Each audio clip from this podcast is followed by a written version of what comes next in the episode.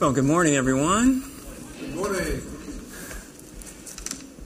The, the biggest thief in history made news just a couple weeks ago when a judge denied him compassionate leave from prison.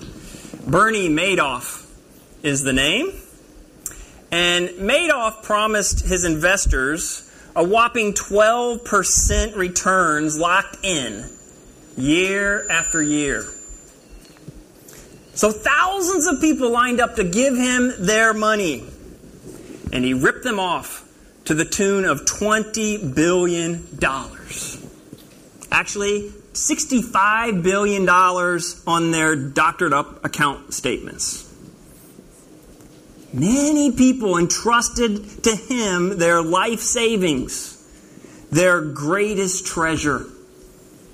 And in the end, they had nothing left but worthless pieces of paper. If they had just been warned ahead of time, no one would have ever put their hard earned money and trust in this guy, right? Well, actually, many were warned, and they did so anyway. It was just too enticing.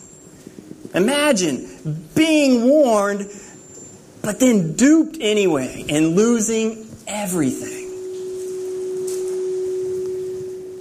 The prophet Jeremiah had warned God's people again and again that putting their money, their time, and their trust in the gods of the surrounding culture had them on a fast track towards disaster. Do I need to do something here?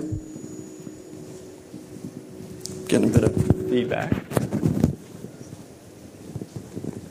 Putting their time, money, and trust in the, into the gods of the surrounding culture. Headed, heading them directly towards disaster. And so this book, Jeremiah, is written for the people who had spent, who had Jeremiah had spent decades warning, but they had been duped anyway.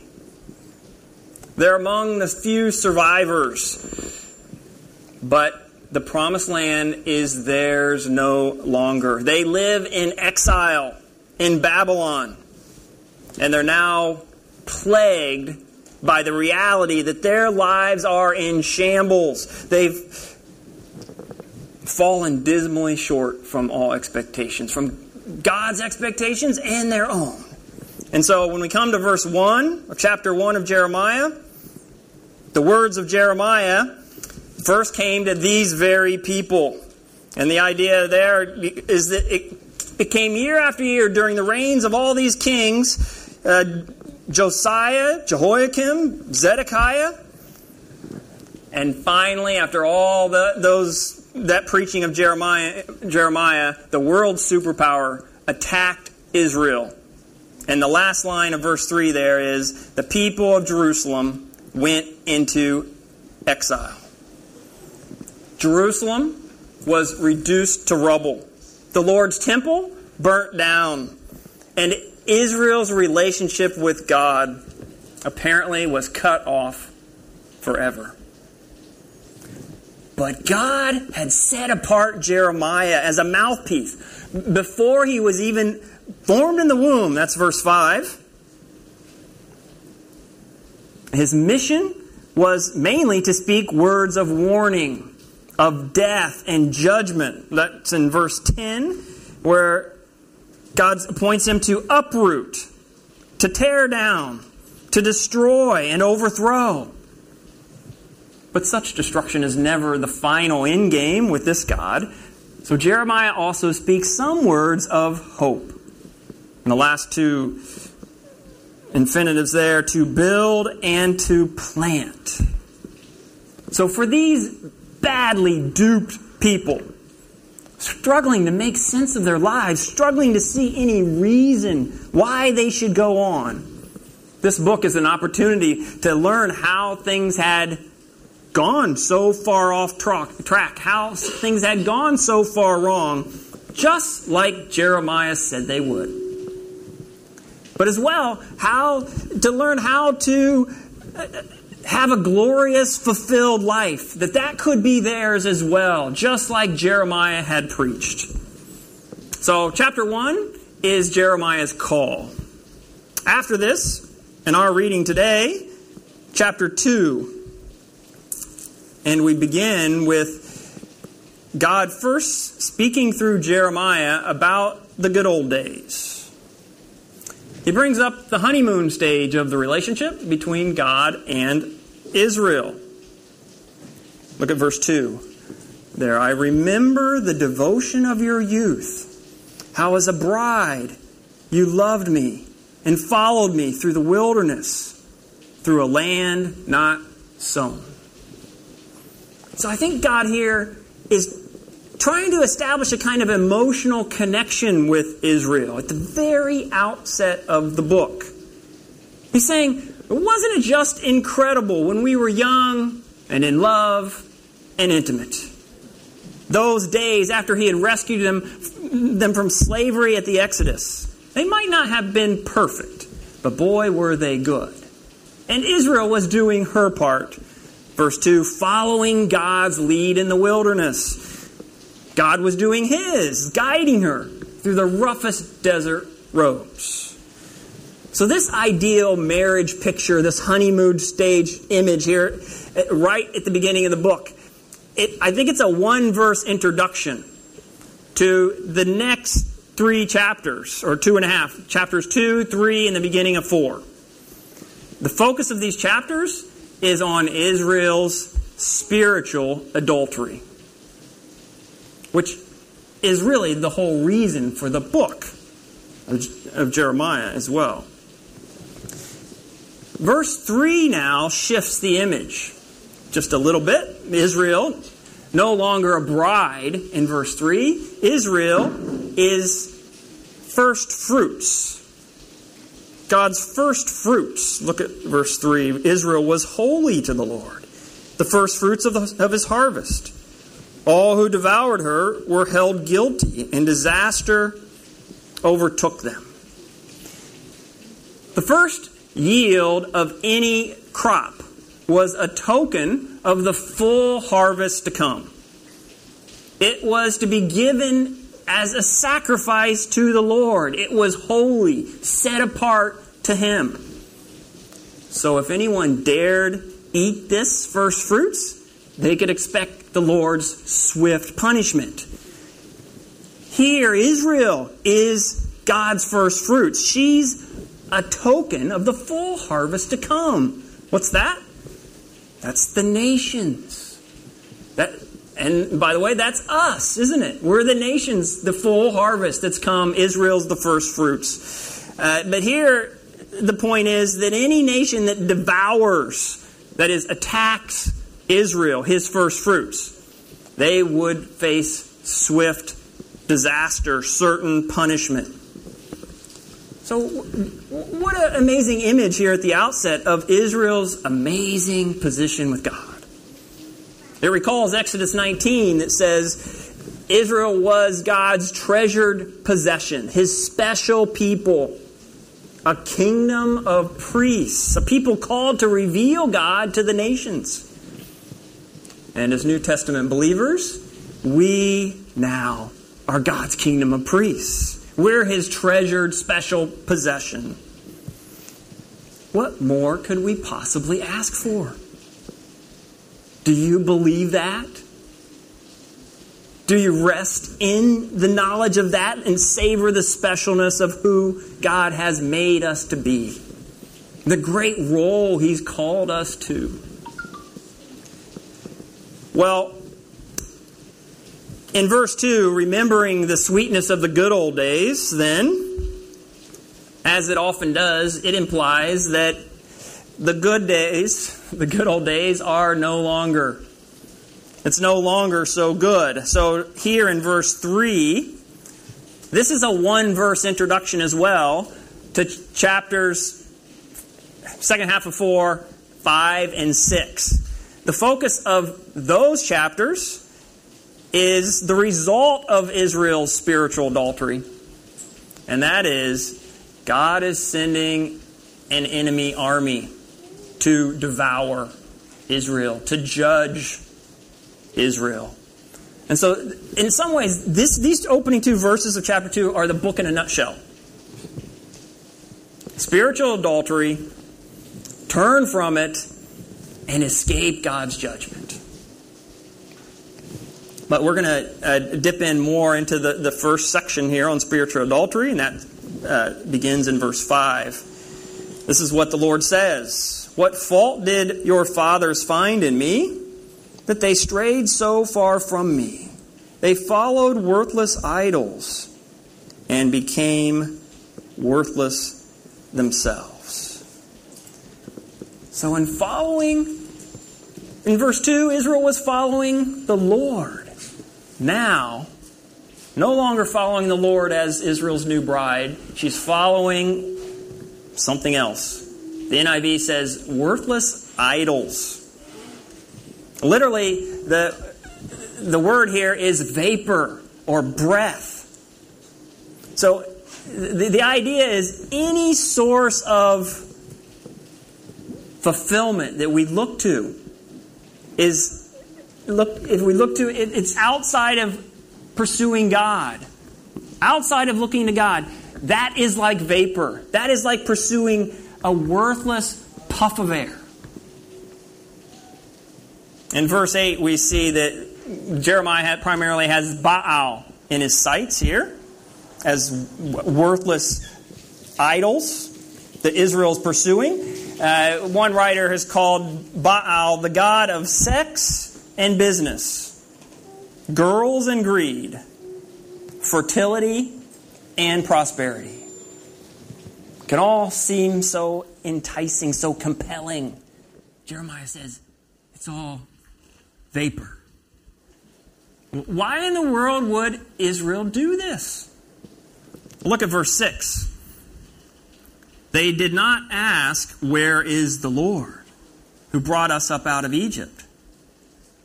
That is, in, the in her time of need, Israel did not recall the gospel. She did not recall her own husband that meant everything to her. She didn't seek him out, the one who saved her out of her original desperateness in Egypt, who had a track record of leading her through, verse 6, deserts and darkness, through, through the most impossible situations. And God here is implying He still wants to do that, to be here for Israel and still be her deliverer. But she's forgotten Him. And worse, far worse, she's seeking out other lovers instead. Idols. And we too will inevitably seek after worthless things, worthless vapor, as soon as we stop recalling the gospel. Whether that takes place through our own personal Bible reading, through our uh, small groups on Zoom, or just through our good Christian friends that encourage us regularly. We need to keep reminding one another of the good news of what God has done for us. That through Jesus, God has brought us out of slavery to sin and made possible a special relationship with the Creator God. That we are the bride of Christ. Look at verse 7. God says, I brought you into a fertile land to eat its fruit and rich produce. But you came and defiled my land and made my inheritance detestable. God's saying he's been working so hard to offer the most lavish of lifestyles for his new bride, but Israel has just come in and trashed everything. But do you, do you notice the tone of this verse? It's always important to, to notice the tone of the language that uh, we're reading about as well. Is the, God's tone here the accusation of an angry judge? Or is this the tone of a, a wounded lover? I think it, what we have here is a lament. So God is displaying a certain vulnerability here. He's been hurt. And he's recalling the, the, the, former days of intimacy with his new bride, and his heart is breaking at seeing his first love in the arms of another. So think about that. Think about it. God experiences something of this kind of inner turmoil when we look elsewhere to have our needs met. Most of us have experienced similar kinds of rejections. I can well recall some of uh, re- rejections in, in, my time, and, and I can remember lamenting how the best girls seem to always end up falling for the worst loser guys. And so that used to be number one on my list of life's most perplexing questions. Not how can you have divine sovereignty with human free will? How can the best girls always go out with such losers? The obvious difference here is that anyone standing next to the Lord is by definition an absolute loser. Yet Israel is off writing love letters to these guys, sending little text messages to her potential suitors. All the while, her first love, the Lord, had rescued her out of a life of oppression and abuse, where she had felt hopeless and empty. He provided her a secure, loving relationship. He brought her into the promised land, after all, the poshest of neighborhoods, uh, uh, and a place, a place of amazing wealth, security, and comfort. What woman would say no to that? Well, God says Israel has. And it wasn't just the common people, it's her spiritual leaders, those entrusted with caring for Israel's relationship with the Lord. Look at verse 8. The priests did not ask, Where is the Lord? Those who deal with the law did not know me. The leaders rebelled against me. The prophets prophesied by Baal, following worthless idols. The result is that the Lord is taking them to court. Verse 9. Therefore, I bring charges against you He's put, it up, he's put up with being cheated long enough. He's put it up with it century after century after century. He's now ready to withdraw all his good gifts and send her away. In verse 10, God testifies to the ridiculous, even shocking nature of all of this. Uh, verse, yeah, look, at verse 10. Cross over to the coast of Kittim and look. Send to Kedar and observe closely. See if there has ever been anything like this. Has the nation ever changed its gods? Yet they are not gods at all, but my people have exchanged their glory for worthless idols. So he's saying, look around from as far east as you can look, as far west. No other nations have ever changed their gods. And we live in a, a, a age where people can switch religions, kind of like they switch mobile phone operators. But this just didn't happen back then. And what's more, these gods Israel's traded the Lord in for, the text there says, they aren't even gods at all. It borders on the absurd what Israel has done. So, verse 12 Be appalled at this, O heavens, and shudder with great horror. What exactly have they done? Verse 11 They've exchanged their glory for worthless idols.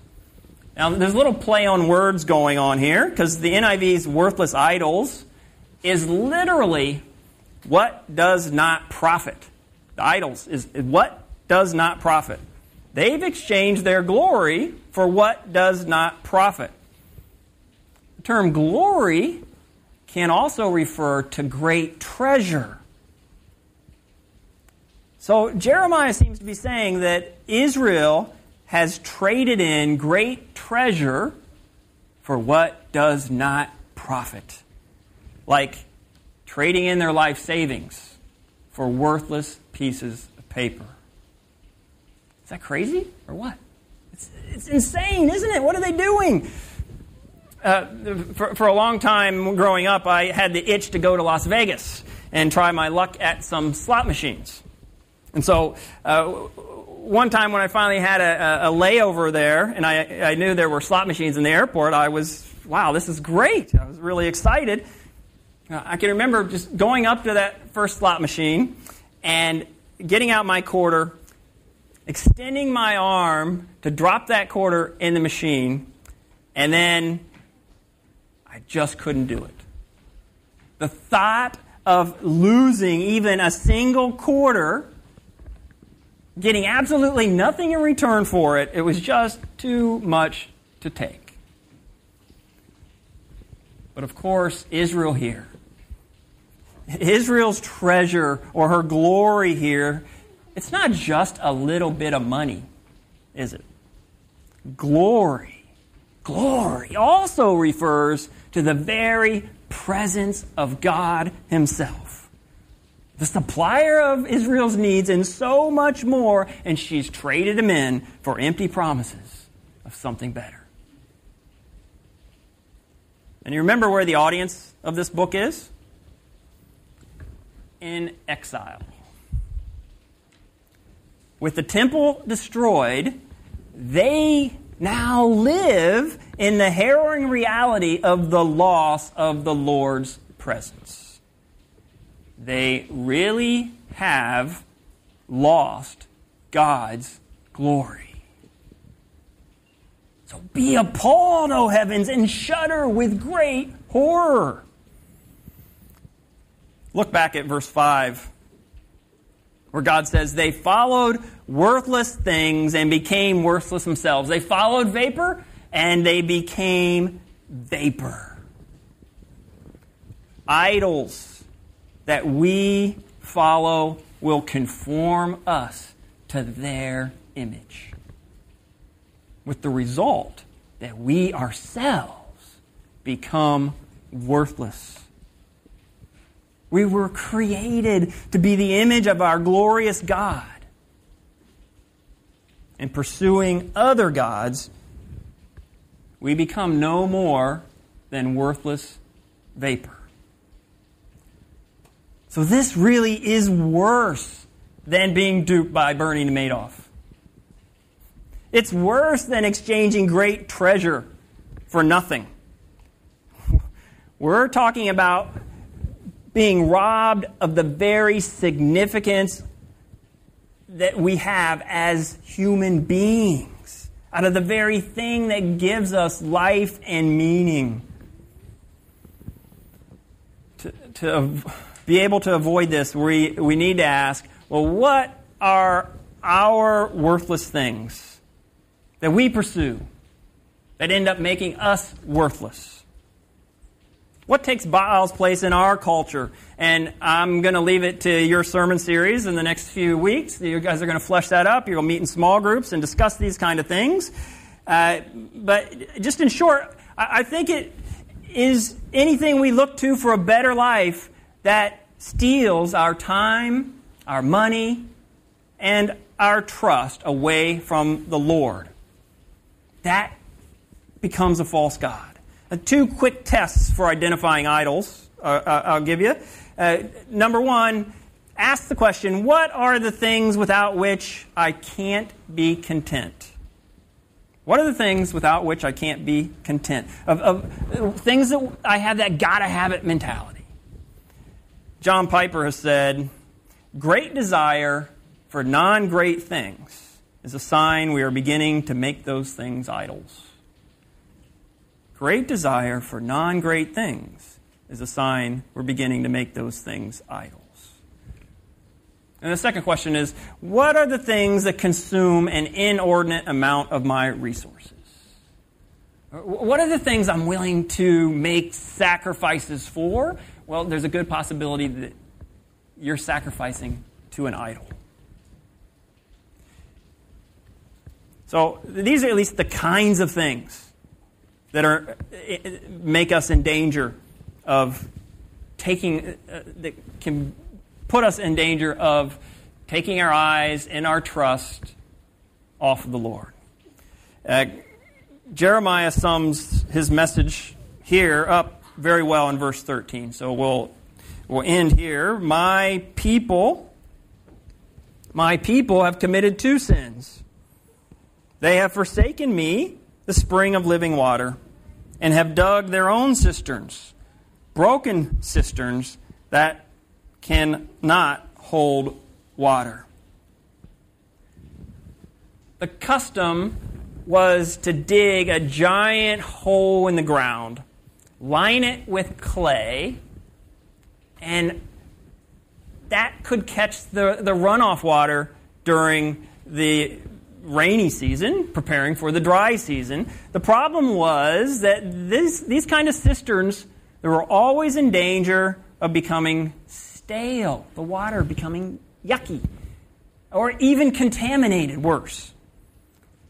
So if you have a spring nearby that's flowing with living water, what, why in the world would you become invested in digging this cistern? Makes no sense. But here for Israel, it's even worse. These cisterns would often develop cracks so that they would be kept from holding any water at all. That's where Israel's at.